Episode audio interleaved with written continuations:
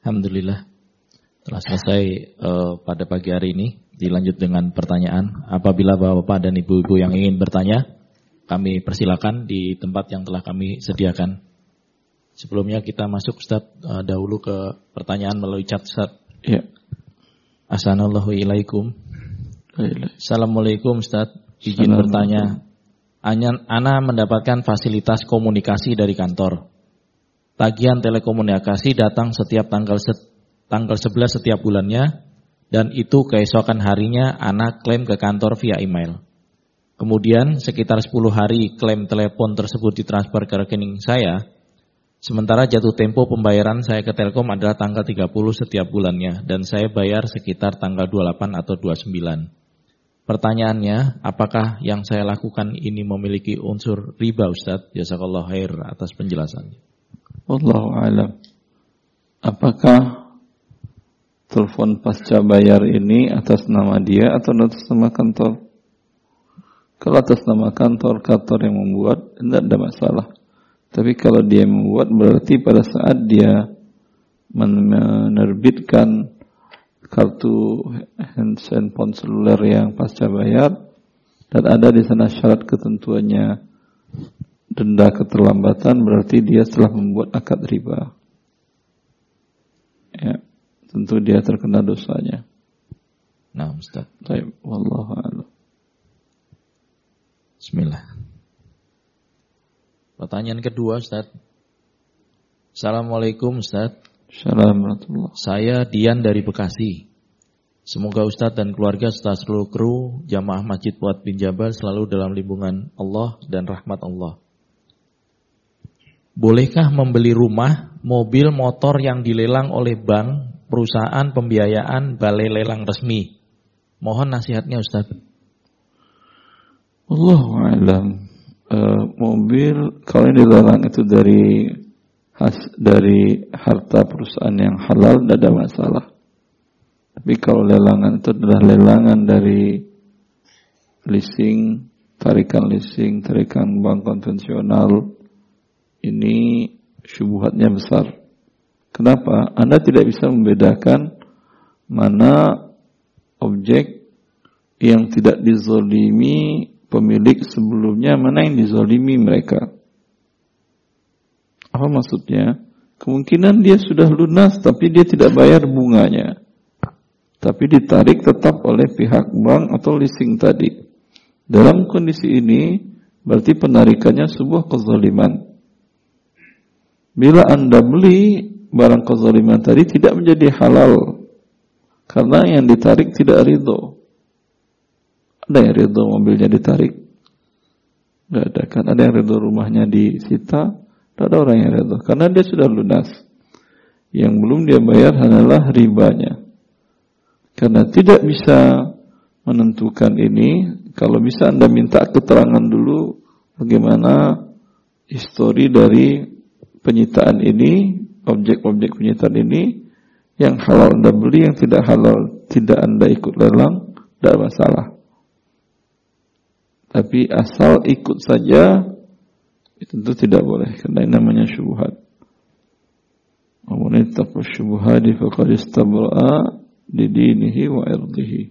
Siapa yang menjauhkan diri dari syubhat, selamat agama dan dirinya. Ya. Alhamdulillah. Bagi Bapak dan Ibu jamaah masjid yang ingin bertanya secara langsung kami persilakan. Selanjutnya Ustaz, pertanyaan chat. Assalamualaikum warahmatullahi wabarakatuh. Bagaimana hukumnya jika anak membantu jual rumah tetangga seandainya sepakat di harga 500 juta? Jika rumah ter, jika rumah terjual Ana dapat 4% biaya jasa dari harga rumah tersebut. Tapi Ana jual ke orang lain lebih dari 500 juta. Hukumnya bagaimana ya Ustaz? Tetap 4% dari keseluruhan harga. Kan kesepakatannya untukmu 4% dari 500. Anda jual 700 tetap 4% dari 500. Kelebihannya itu Ustaz 200 juta sekian. Ya untuk yang punya rumah lah. Kan saya yang jual. Anda kan yang jualin. Yang punya kan bukan Anda. Wah, rugi saya Ustaz. Kalau ingin tidak rugi dari awal buat kesepakatan yang jelas. Ibu, bapak, ini anda ingin rumah harga berapa? Udah kami terima penting 500 dah. Buat sekali gitu. Tadi 500 buat saya 4 persen. 500 dari 4 persen berarti 20 juta. 20 juta kan ya. Dia mengatakan berarti kan untuk saya 20 juta. Berarti cukup bapak 480 kan ya. Ya kata dia. Boleh saya jualkan berapapun, yang penting Bapak dapat 480. Terjual yang namanya musim begini, terjual mungkin 490. Tidak apa-apa buat saya 10. Tapi bila terjual di atas itu, semuanya buat saya boleh? Boleh. Terjual 700, halal untuk Anda 220. Jelas? Tapi kalau kesepakatannya 4% dari 500, berapapun terjual, tetap 20 untuk Anda. Ngomel-ngomel, kan itu kesepakatannya. Anda cuma jualin doang dapat 20. Dia modal dari awal mungkin ratusan juta. Allah terus. Ah, Ustaz. Bismillah. Afwan Ustaz, izin bertanya. Ana dan suami memiliki dana pada tabungan haji untuk pelunasan biaya haji nantinya di salah satu bank syariah. Pihak bank baru-baru ini menelepon saya dengan menawarkan program untuk memblokir dana kami selama satu tahun. Dan ada pemberian hadiah dalam bentuk mukena dan sajadah. Pertanyaannya, apakah ini termasuk riba Ustadz? Nilai yang akan diblokir tidak semuanya hanya sebesar 10 juta. Iya ini riba. Ya. Dia memberikan hadiah karena dana Anda diblokirnya dan diputarnya. Anda cuma dapat sajadah, dia mungkin dapat puluhan juta. Hah? 10 juta diputar, dia sebagian anggap 10 juta, dua orang 20 juta. Diputar selama setahun, bisa nggak untung 10 juta? Bisa lebih ya. Anda cuma dapat sajadah udah senang banget. Riba lagi haram. Dia dapat 10 juta. Jelas. Ya. Jangan mau dan nabungin nabung aja. Tarik ketika kapan butuh. Kalau takut si haji sekarang antri 20 ada yang tertinggi berapa sekarang? Ada 40 tahun? Terakhir saya baca 38 tahun di Makassar antriannya. Sekarang berapa yang tertinggi antriannya? Setelah tidak haji dua kali. Dan ada lima puluh. Masya Allah. Di mana itu akhi? Jakarta Pusat. 30 tahun. Artinya kalau umur sekarang 20 Umur 70 tahun melakukan haji. Hah? Berarti tidak boleh. Kalau umur 20 tahun daftar dan nggak boleh. Berarti harus umur 10 tahun daftar lima tahun tambah tadi lima puluh, lima lima, lima belas lah. Dia kan lima lima kan ya, kurang sepuluh. Ya kan ya, umur sepuluh tahun daftar. Ya begini-begini jadi tidak wajib bagi anda.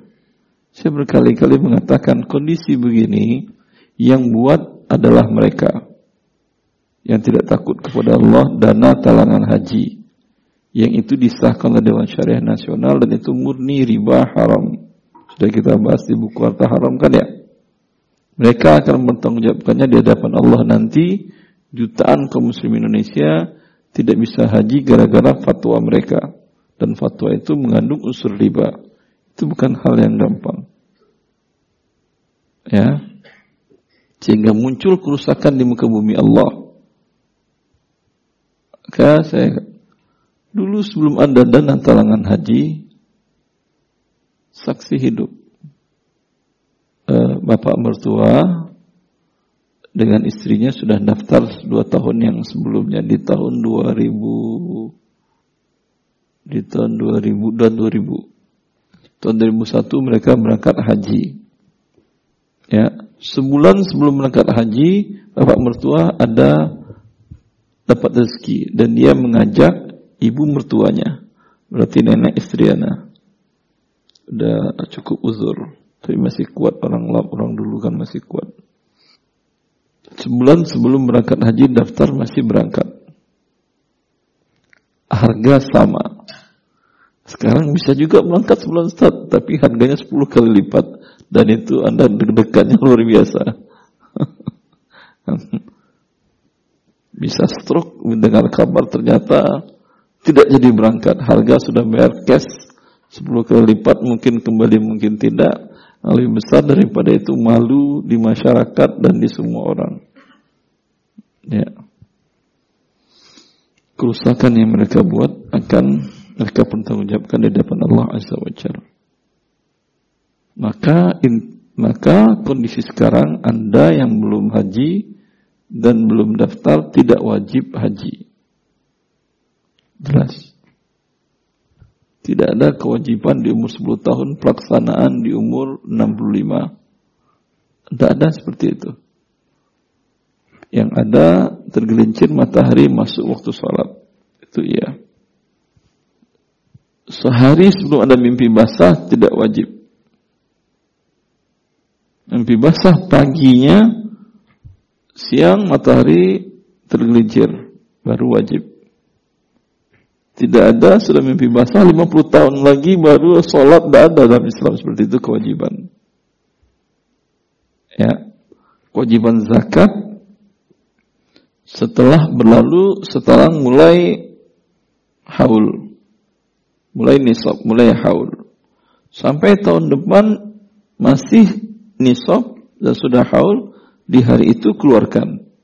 Tidak ada menunggu 50 tahun. Allahul Musta'an. Kerjaan manusia di akhir zaman.